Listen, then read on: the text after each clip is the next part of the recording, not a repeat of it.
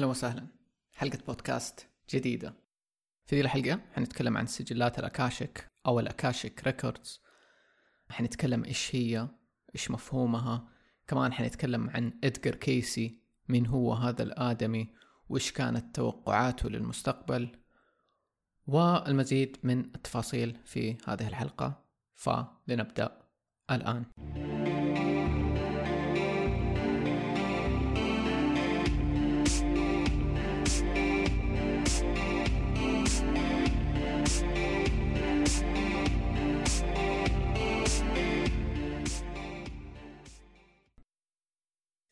طيب الحلقة دي لما كنت بسجلها أول مرة كان الهدف إنها تكون عن إدغار كيسي. وبعدين لما بدأت أجهز للحلقة وكذا اكتشفت إنها قاعدة تتوسع كمان عشان أتكلم عن سجلات الأكاشك فهي حتكون دمج بين الاثنين بين سجلات الأكاشك وإدغار كيسي وهم كلهم مرتبطين ببعض. حنتكلم في البداية عن إدغار كيسي آه هو الأساس وبعدين حندخل في سجلات الأكاشك شكرا لكل أحد حط دعواته في الحلقة اللي فاتت إنه تزبط الحلقة وتطلع بدون أصوات مزعجة.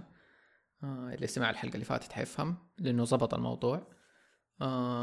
أتوقع إنه نحتاج آه المزيد من الدعوات في هذه الحلقة كمان.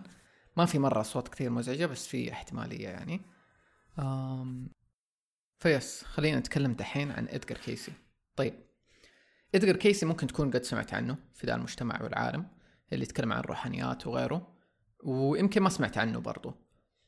إدغار كيسي هو من مواليد سنة سبعة وسبعين مو 1977 1877 يعني في القرن الثمنتاش وتوفى في سنة 1945 يعني شيء مرة قديم. يعني ما أدري أكتر يمكن وصلنا 70 سنة تقريبا آه، من وفاته. بس الشيء المميز اللي كان عن إدغار كيسي إنه هو كان عنده تنبؤات كثير للمستقبل. كثير منها أتحقق وخلته شخص معروف في ذا المجال. وغيرها طبعا في أشياء غير مختلفة إلى اليوم أثرها باقي منه. فعشان نبدأ عنه في البداية يسموه هم the American Prophet النبي الأمريكي أو أحيانا يسمى the Sleeping Prophet النبي النائم. في ناس بالعربي لما شفت في أغلب الناس ما بيقولوا كلمة النبي بيقولوا المتنبئ النائم مثلا بدل كلمة النبي النائم. أنا أحس ما يفرق بس بترجمها حرفيا زي ما هي بالإنجليزي. و... وهي شيء رمزي يعني ما مو إنه شيء حقيقي هو نبي. بس إنه يسموه كذا بسبب تنبؤاته وإنه كان يتنبأ وهو نايم أو في حالة اللي يفقد فيها الوعي. كمان أحيانا يسموه الأب كأنه الأب الروحي لطب ال holistic الطب البديل. أم ناس كثير يقولوا عنه إنه عراف مشعوذ عميل وغيرها من المسميات اللي أنا أحس إنه ابدا ما لها علاقة فيه. بس لما إنك تبدأ تفهم مين هو وايش يسوي حتستوعب إنه كل ذا الكلام هبل اللي بينقال عليه. في ناس بالعربي كثير شفت لما أبحث عنه يسموه ادجر كيس بينما هو ادجر كيسي. آه هذا يبين لك إنه في ناس كثير ما بتبحث حتى عنه عشان تعرف آه اسمه كيف بيتنطق مع إنه مو مهم كيف الاسم يتنطق بس يبين لك إنه البحث والكلام اللي بيكون عنه مرة سطحي. طيب خلينا نشرح الشيء الأساسي. في قصة إدغار كيسي أم واللي هو شهره إنه تح... لما كبر اكتشف إنه يقدر يحط نفسه في حالة من النوم يفقد فيها الوعي ويبدأ يتكلم ويقول تنبؤات عن المستقبل أو يجاوب عن أسئلة آه، تخص المستقبل أو الماضي أو حتى الحاضر. ويكون في شخص يساعده جنبه يدون الكلام اللي هو يقوله لأنه هو يكون فاقد للوعي كأنه نايم. هذه الحالة تشبه ال channeling كمان. اللي يعرف إيش يعني channeling اللي ما يعرف يقدر يسمع حلقة البودكاست اللي سجلناها عند الموضوع. فهو إدغار كيسي كان يؤمن إنه في دي الحالة من اللاوعي كأنه بيشبك على الوعي الكوني أو العقل الكوني. واللي هو هنا كمان نسميه الأكاشك حنتكلم أكثر عنه بعد شوية. ومن هذا الوعي أو العقل الكوني يقدر يحصل على معلومات ومعرفة مسجلة فيه. بالتالي كان يقدر يجاوب على أسئلة كثيرة وينقل رسائل من هذا الوعي الأعلى طبعا كان يسوي جلسات مرة كثيرة ساعد بيها ناس كثيرين بقراءاته لهم وكان أكثر شيء معروف عنه أنه يتكلم عن الصحة آه، وعلاج الأمراض فساعد ناس يتشافوا من أمراض مختلفة ويعرفوا تفاصيل دي الأمراض وسببها. كمان كان يقرأ تفاصيل حيواتهم السابقة. و... والموضوع ده ما بدأ بس هو كبير يعني الشيء الأساسي أنه لما اكتشف كيف يقدر يحط نفسه في ذي الحالة وبدأ يسوي جلسات للناس هذا كان لما هو كبير. بس وهو صغير كمان كان كانت طفولته عجيبة يعني ما هي عادية. كان مثلا عنده أصدقاء تخيلين يلعب معاهم وهو يقول عنهم إنهم أرواح من الجانب الآخر. برضو هو صغير أتواصل مع روح جده المتوفي. كمان واحدة من أكبر الأشياء اللي قد صارت له وهو صغير هو يقولها إنه كان كان سيء في دراسته ف أتعلم طريقة أو جاته رسالة إنه ينام على الكتاب عشان يتعلم محتوياته. فكان يحط الكتاب تحته يحط راسه عليه وينام. يصحى يكون يعرف محتويات الكتاب كأنه تعلم يعني. هذا الشيء الأساسي في طفولته. فكان كأنه التواصل أو الرسائل دي أو الأشياء العجيبة اللي تصير له بادئة من زمان. هو يسمي الشيء اللي بيسويه ريدنج أو قراءة آه، مو تنبؤ. فالجلسات هذه اللي بيسويها للأشخاص بيسميها قراءات. معظم قراءاته كانت تتركز على الطب الشمولي الهولستيك وعلاج الأمراض زي ما قلنا. ولما كان ينسأل عن مصدر معلوماته في القراءات اللي يسويها كان يقول مصدرين. المصدر الأول هو العقل الباطن للشخص اللي بيسوي له القراءة فكأنه بيشبك على العقل الباطن للشخص هذا وبيطلع المعلومات. الطريقة الثانية وهي سجلات الأكاشك وهذه حنتكلم عنها بعد شوية. كمان إدغار كيسي ما كان بس يسوي دي الأشياء كان يحلل ويفسر الرمزيات اللي تيجي من الأحلام للأشخاص و... وعنده عالم كامل في ذا الموضوع. ويؤمن إنه الرسائل دائما بتجينا في الأحلام عن مستقبلنا وعن غيره والحكم اللي ما اللي مفروض نعرفها أو نتعلمها. طيب دحين خلينا ندخل في موضوع سجلات الأكاشك أكتر الأكاشك ريكوردز. نتكلم فيه أكتر ونشرحها. سجلات الأكاشك تعريفها وكيف الناس يشرحوها إنه هي مكان ما هو مادي غير مادي غير ملموس موجود كأنه في البعد الأثيري يحتوي على جميع المعلومات لكل فرد عاش على الأرض هذه في الماضي الحاضر والمستقبل فهو غير محكوم بالوقت. السجلات هذه تحتوي على أفكارنا أفعالنا مشاعرنا نوايانا وغيره. يرمز لها أحيانا بكتاب الحياة الخاص بكل شخص The Book of Life. وهي كأنها كمبيوتر كوني ضخم أو مكتبة كونية فيها كل دي السجلات أو كل دي الكتب الخاصة بكل أحد أو بكل روح. الكلمة الهندية أكاشا معناها المادة الأولوية كأنه المصدر الأساسي أو الأثير. فبالتالي زي ما قلنا هي مو شيء موجود مادي آه ممكن ينحس وينلمس. هي في بعد ثاني. السجلات دي كمان يقول لك إنه هي مرتبطة بكوكبنا هذا. كأنه لو كل كوكب له مجال أثيري حوله تتخزن فيه كل دي المعلومات والسجلات الخاصة بكل شخص أو بكل روح جات هنا. فكذا هي الفكرة. السجلات هذه ممكن تساعدك تعطيك فكرة أعمق عن مين أنت وليش أنت هنا. تساعدك تفهم دروس معينة ورسائل معينة في حياتك. ولأنه هذه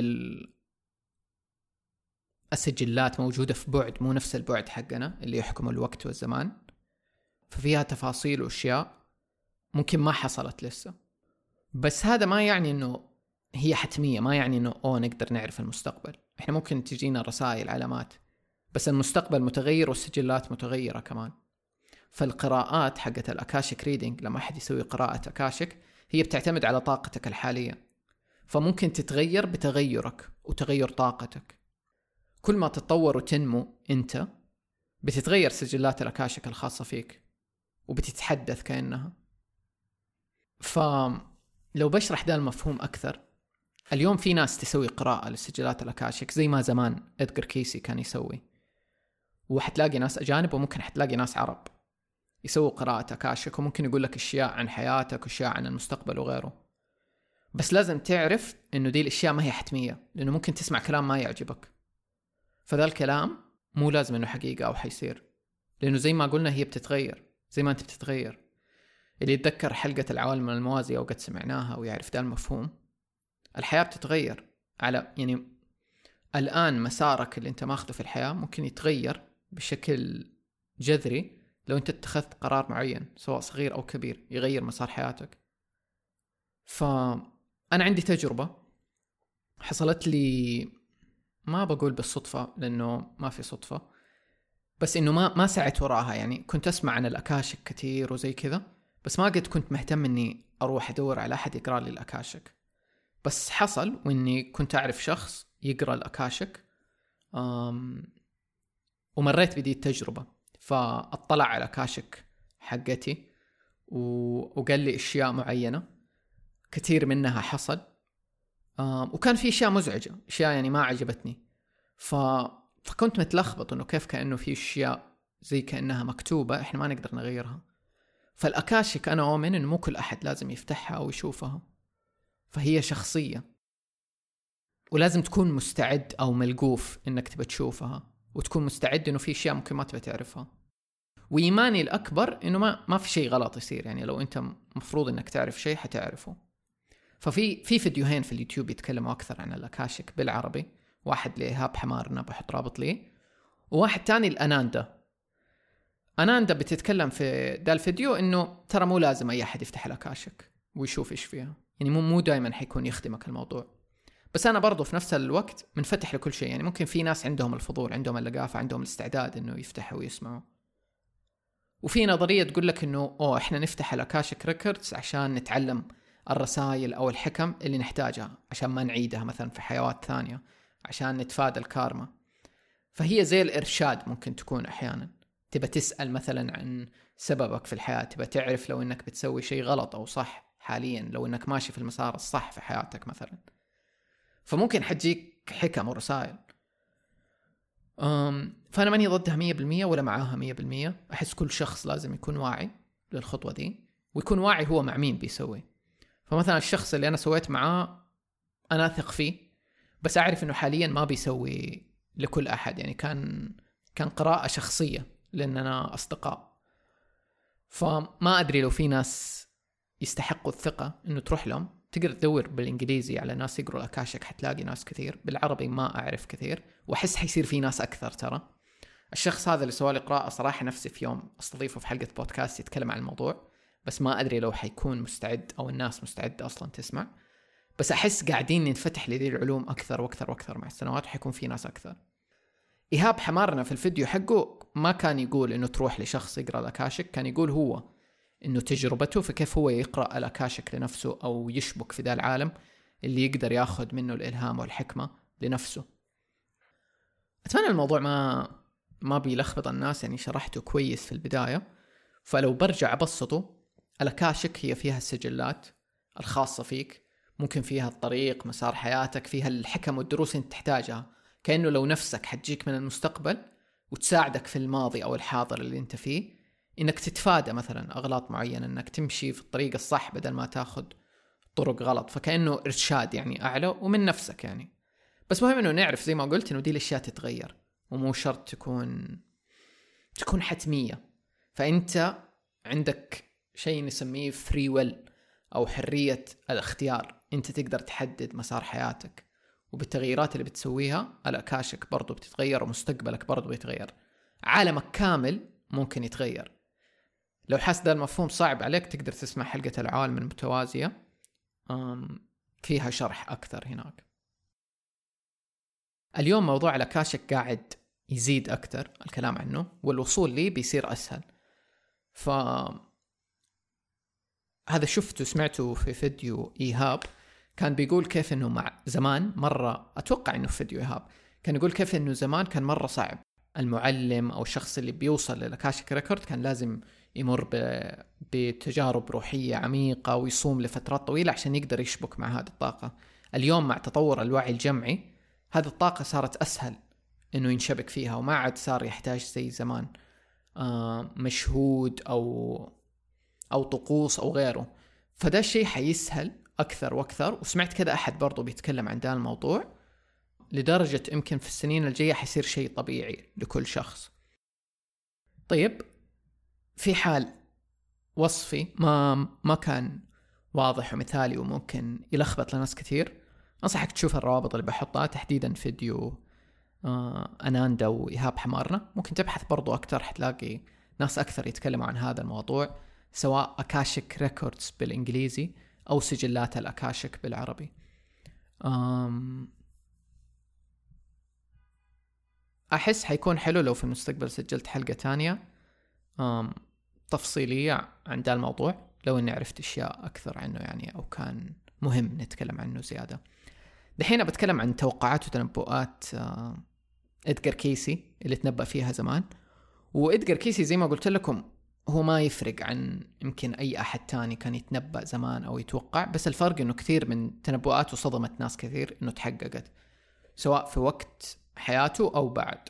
وكثير منها لسه ما زال إنه ما تحقق. طيب ادجار كيسي اليوم ترى عنده مؤسسة ما زالت شغالة في أمريكا.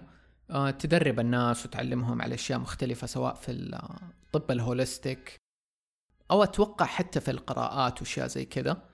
فما زالت هذه موجودة. هذه المؤسسة ما زالت تحفظ توقعاته وتنبؤاته آه، والعلوم اللي هو دونها. فاللي يبغى ححط الموقع حقها في وصف الحلقة. طيب. إدغار كيسي كان عنده فوق 14 ألف تنبؤ مختلف. آه القائمة الكاملة بدي التوقعات يقدر أي شخص اليوم يزورها في مقر مؤسسته في فيرجينيا بيتش. موجودة كل يوم مفتوحة للعامة إنه يدخلوا يطلعوا عليها. كمان لو أنت كنت عندك عضوية في موقعه تقدر توصل لقاعدة البيانات الكاملة لهذه التوقعات وتبحث فيها أكثر وتتعمق. وطبعا حتلاقي مصادر مختلفة في الإنترنت حاطة ذي التوقعات أو كاتبتها. أنا صراحة ما يعني ما اطلعت على القائمة الكاملة اللي من موقعه لكن شفت من الأشياء الكثيرة اللي الناس حاطينها في أماكن مختلفة واللي حتى موجودة آه، مجانية في موقعه حاطها. فحتلاقي حتى مقالات مختلفة في موقعه. طيب توقعاته وتنبؤاته كانت في أشياء مختلفة كثير مو محصورة في شيء واحد. آه، أشهر شيء من الأشياء اللي قد حصلت إنه أتنبأ بانهيار سوق الأسهم. آه، الكساد الكبير The Great Depression اللي صار زمان في التسعينات. كمان تنبأ بالحرب العالمية الثانية وبتفاصيل حتى معينة فيها بين اليابان وأمريكا وغيره. كمان من الأشياء المشهورة عنه إنه عنده تنبؤات مختلفة عن قارة أتلانتس. تحديدا أتنبأ إنه موقعها قريب من خليج المكسيك وقال إنه هي كانت موجودة قبل آخر عصر عصر جليدي قبل 12 ألف سنة يعني تقريبا. وقال إنها مجموعة جزر وإنه مستوى سطح المحيط كان وقتها أقل من الحالي فهي كأنها غرقانة دحين تحت المحيط. وقال إنه حصلت كارثة سببت نهايتها ولها علاقة بتطورها التكنولوجي تطور أتلانتس. وقال إنه مواطنو أتلانتس بعد ما اتدمرت قارتهم أتنقلوا لأماكن مختلفة منها مصر وجزر اليوكاتان اللي هي قريب من المكسيك وغيره. وهنا نقدر نشوف الرابط بين الفراعنة والمايا وعلومهم. ويمكن تكلمنا هذه عنها قبل في سلسلة الفراعنة. قلنا إنه واحدة من النظريات إنهم كانوا جايين من أتلانتس. فكأنه هم بعد ما نقلوا من هذه القارة أو بعد ما غرقت نقلوا هذه العلوم لحضارات تانية جديدة. أتنبأ كمان إنه أتلانتس حيتم اكتشافها في المستقبل بالقرب من بيميني في البهامز. وقال إنه حيكتشف قوة علاجية في مياه البيميني وحيتم ربط هذه القوة العلاجية بالكريستالات الكوارتز. برضو هذه كثير لو انك قد تبحث عن أتلانتس تسمع رابط أتلانتس بالكريستالات وإنه كانه التكنولوجيا حقتهم كانت مرتبطة بال crystals آه آخر شيء قال إنه أتلانتس حتقوم مرة أخرى ثانية في المستقبل وحتظهر حتظهر حتى علومها. حتلاقي عنده تنبؤات كثيرة عن أتلانتس. هذه أهمها اللي أنا شفتها. آه حتى متحمس في يوم يعني هذا الشيء متأكد منه. أبغى أسجل حلقة في شطحه عن أتلانتس نتعمق أكثر عنها وعن الكلام الموجود عن فيها.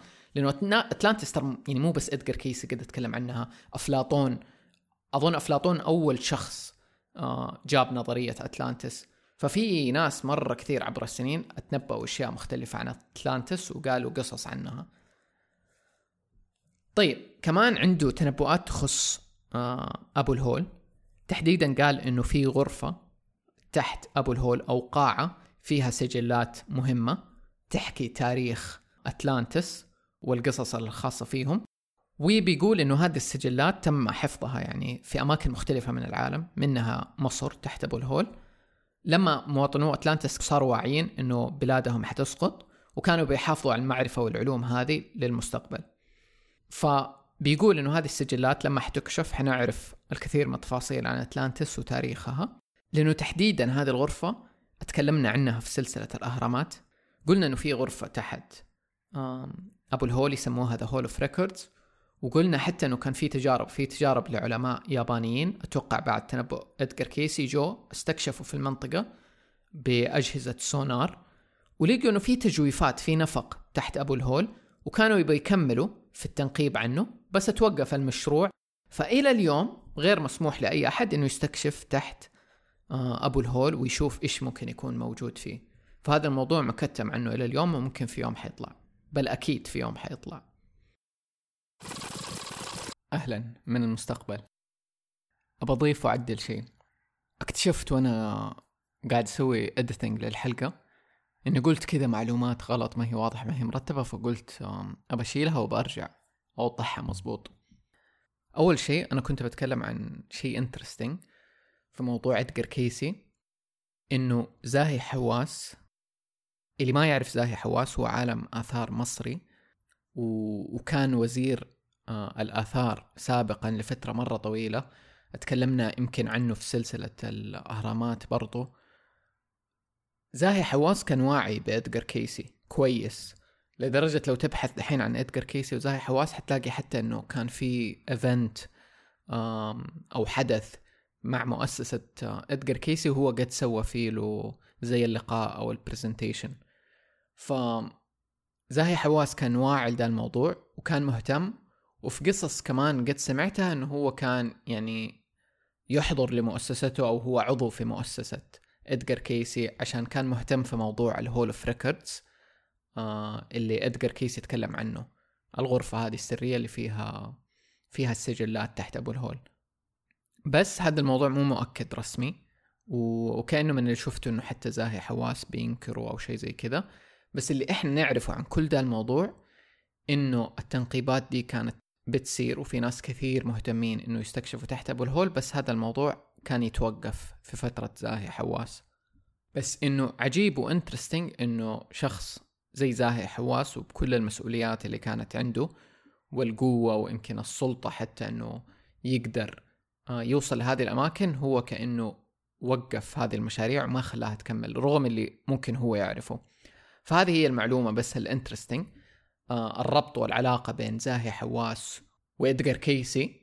وتقدروا تبحثوا أكثر في الموضوع. أنا الشخص اللي أتذكر أنه تكلم بتفصيل أكثر عن الرابط بين زاهي حواس وإدغار كيسي وأنه هو من أعضاء مؤسسته. أتذكر أنه ديفيد ويلكوك في واحدة من حلقات كذا برامج قايا قد أتكلم عن هذا الموضوع أكثر فصراحة عجيب وخليك تستوعب قديش أنه تأثير إدغار كيسي حتى في ذا الموضوع. ويخليك حتى تستعجب أنه هل أصلا آه، هيئة الآثار المصرية استكشفت شيء هناك وصار من جد استكشاف وتكتم على الموضوع ما انفتح ما طلع أو لا؟ لأنه في برضو دي النظرية في ناس كثير يؤمنوا أنه استكشفوا تحت هذيك المنطقة وعرفوا أنه الغرفة موجودة كل دي التفاصيل بس تكتم على الموضوع. لأنه مرة غريب أنه إلى اليوم ما ما بان أي شيء عن إيش في تحت أبو الهول أو إيش ممكن يكون موجود. أو حتى بس أنه يسمحوا آه لعلماء الآثار أنه ينقبوا هناك. نرجع نكمل الحلقة. كمان آه، إدغر كيسي توقع ظهور فرع جديد في العلم. يدرس الروحانيات وظواهرها أكثر. ويمكن هذا الشيء اللي قاعدين نشوفه اليوم spirit science قاعدين نشوف كيف العلم والروحانيات قاعدين يندمجوا بعض وكل واحد يكمل الثاني عشان نتعلم ونفتح علوم أكثر ومفاهيم أكثر لإحنا فين وإيش بنسوي. وطبعا عنده كثير من التوقعات اللي ما حصلت. هذه أهم التوقعات اللي حصلت. من الأشياء اللي ما حصلت إنه تنبأ بغرق اليابان. هذه من الأشياء اللي ما حصلت إلى اليوم ومو شرط إنها تحصل. أتنبأ إنه مدينة نيويورك حتختفي تماما. أتنبأ إنه الساحل الغربي لأمريكا حيدمر كأنه بأحداث طقس أو غيره. و... والرابط بين كل ده إنه تنبأ كمان إنه أقطاب الأرض حتتغير وبالتالي حيتغير الجو في مناطق مختلفة من العالم آه وحيتبدل. وهذا الشيء يمكن تكلمنا عنه في صحوة الوعي وفي حلقات عصر الدلو وطاقات الأرض. قلنا أنه حيصير زي التغيير في أقطاب الأرض حتتبدل. في كثير حضارات وأديان تنبأت بدا الشيء كمان. كمان من آخر الأشياء إنه قال حيجي وقت وزمان حيدركوا فيه البشر أهميتهم ومسؤوليتهم على بعض وتأثيرهم على بعض. هذا الإدراك قال إنه حيغير الأرض وحيبدأ عصر جديد من الصحوة الروحية والتنوير والسلام. وتوقع إنه حتحدث ثلاثة اكتشافات أثرية مهمة لحضارات قديمة حتسبب كأنه في هذه النقلة في إدراكنا لهذا التغيير. وهذا اللي قاعدين نشوفه دحين حتى علوم الحضارات القديمة قاعدة تطلع دحين والاكتشافات الكبيرة فمو بعيد يكون في هذا الرابط. فنقدر نلاحظ إنه ادجر كيسي تنبؤاته ما كانت أشياء بس عادية سهلة لها علاقة بعالمنا المادي لا كان فيها ارتباطات كبيرة بالعالم الروحي بالحضارات القديمة كان فيها تفاصيل محددة زي أشياء أتلانتس وأشياء الوعي. ما تبين لك إنه زي ما تلاقي كلام ناس كثير سطحي. عن ادجر كيسي يقول لك إنه هو بس مثلا كان يبغى شهرة ولا إنه خراط ولا بس كان بيتنبأ بأشياء آه، صعبة ومعقدة. فتلاقي إنه في تفاصيل معينة بيتكلم عنها ما كان أصلا يحتاج إنه يتكلم عنها. و... وحتلاقي إنه مو مهم إنه كل تنبؤاته تصير حتى هو يقول ذا الكلام لأنه الزمن يتغير والأحداث تتغير. والمسارات أصلا تتغير فإحنا ما عندنا كون واحد ولا عالم واحد ولا عندنا عوالم كثير مختلفة ممكن تتغير وتنبؤات كثير ممكن تتغير. ممكن أنا اليوم أتنبأ بشيء أو أنت تتنبأ بشيء يتغير بعد سنين لأنه الطاقة الحالية لذات التنبؤ مثلا تقول لك أنه حيحصل سبعين بالمية. بعد عشر سنين بعد قرارات مختلفة كثير ممكن قوة التنبؤ هذا تصير عشرين بالمية. أو احتمالية التنبؤ هذا تصير عشرين بالمية. فهي كلها احتماليات. ما في شيء جازم أو قاطع. والاحتمالات دي حتتغير بتغير طاقتك وتغير العوالم اللي أنت بتعيشها. Again مرة أنصح تسمع حلقة العوالم المتوازية. طيب كان إدغار كيسي عنده مقولة يقول Dreams are today's answer to tomorrow's question. الأحلام هي أجوبة اليوم لأسئلة الغد. وقلت إنه ركز كثير على الأحلام وإنها تبين كثير أشياء عننا وعن مستقبلنا. فكان من من الطرق اللي أنا شفته إنه موجودة عنده أو في موقعه. يقول لك إنه مثلا لو أنت تبى تشبك مع مع سجلاتك أو مع وعيك الأعلى أو الرسائل اللي ممكن تجيك عشان ترشدك في حياتك لو في شيء متلخبط عنه قبل لا تنام أسأله. قول إنه أبغى رسالة مثلا في حلمي ترشدني في الموضوع الفلاني. وحط جنبك ورقة وقلم. أول ما تصحى دون إيش الأحلام اللي بتحلمها حتى لو في وسط النوم. ومرة ركز على الفترة اللي أول ما تصحى انه على طول تكتب كل شيء بتفاصيله. وبعدين أبدأ أنتبه لاحظ إيش الرمزيات اللي ممكن تكون في الأحلام اللي جاتك. وأبدأ أنتبه أكثر كل يوم يوم عن يوم حتكون بتجيك الرسائل في الأحلام. فهو كأنه بيقول أو حتى المدرسة حقته أو المؤسسة حقته بتتكلم كثير على هذا الموضوع. إنه الرسائل بتجينا دائما في الأحلام للأشياء اللي تخص مستقبلنا للأشياء اللي المفروض ننتبه ليها. وهذا شيء إحنا حتى نؤمن فيه في مجتمعنا في ثقافتنا إنه بتجينا آه، رسائل وحكم من الأحلام. فأنت كمان تقدر تطلب ذا الشيء قبل لا تنام إنه أبغى مثلا رسالة في الموضوع الفلاني. جزء كبير من كل ذا الموضوع إنه أنت تسعى. فكأنه لما تسعى أو تقرر أو تنوي حتيجي الإجابات. فدي من الطرق العجيبة اللي حسيت إنه أوه أنا كنت أسويها بس ما كنت أدري إنه إنها طريقة من جد. إنه دائما كذا لو إني محتار في شيء ممكن أطلب رسالة في حلمي وأشوف إيش ممكن يجيني عليه. يعني هذا الشيء بدأت أسويه آخر فترة. في شيء تاني في شخص اسمه ديفيد ويلكوك اليوم. ممكن قد تكلمت عنه في حلقات فاتت أو أحد يعرفه. بس للناس اللي يعرفوه إنه في نظرية تقول إنه ده الشخص هو آه ال reincarnation أو النسخة الحالية من إدجار كيسي. يعني كأنه إدجار كيسي بعد ما مات رجع لدي الحياة بديفيد ويلكوك. حتى أنا شفت له مقابلة هو يتكلم عن ده الشيء. آه وفي صورة كذا تبين الشبه بينهم لو تكتب ديفيد ويلكوك وإدجار كيسي. حيبين لك وجه التشابه بينهم في شكلهم. فدي واحدة من النظريات برضو موجودة. أم زي ما قلت مرة مهم أعيد على ذا الموضوع إنه في عوالم متوازية كتير. مو كل شيء حتمي ما في أحد يقدر يقول لك إيش هو المستقبل ولا يتنبأ لك بحياتك. هذه مسؤوليتك أنت. ومصير حياتك وحرية قرارك واختياراتك موجودة في يدك. قلت كمان مو كل أحد لازم يدخل ذا العالم أو يبحث عن ال Akashic أو يروح يسوي Akashic reading لو شدك غص فيه دور شوف. ممكن في ناس معينة ترى بيجيب لهم موضوع ال ال قراءة ال Akashic أو غيره يجيب لهم راحة معينة في مواضيع في حياتهم ملخبطتهم ومأزمتهم. فهو مختلف لكل شخص. هذا بالنسبة للموضوع دي الحلقة. أحس نفسي يوم أتكلم عنه أكثر زيادة بس ماني متأكد إيش ممكن يكون. بس نشوف ماذا المستقبل حيظهر في هذا الموضوع. حتلاقوا روابط للأشياء اللي تكلمت عنها في وصف الحلقة؟ الحلقة. ولا تنسوا تقيموا بودكاست شطحة على المنصات المختلفة وتشاركوه مع أي أحد ممكن يهمه. ونراكم في الحلقات القادمة. مع السلامة.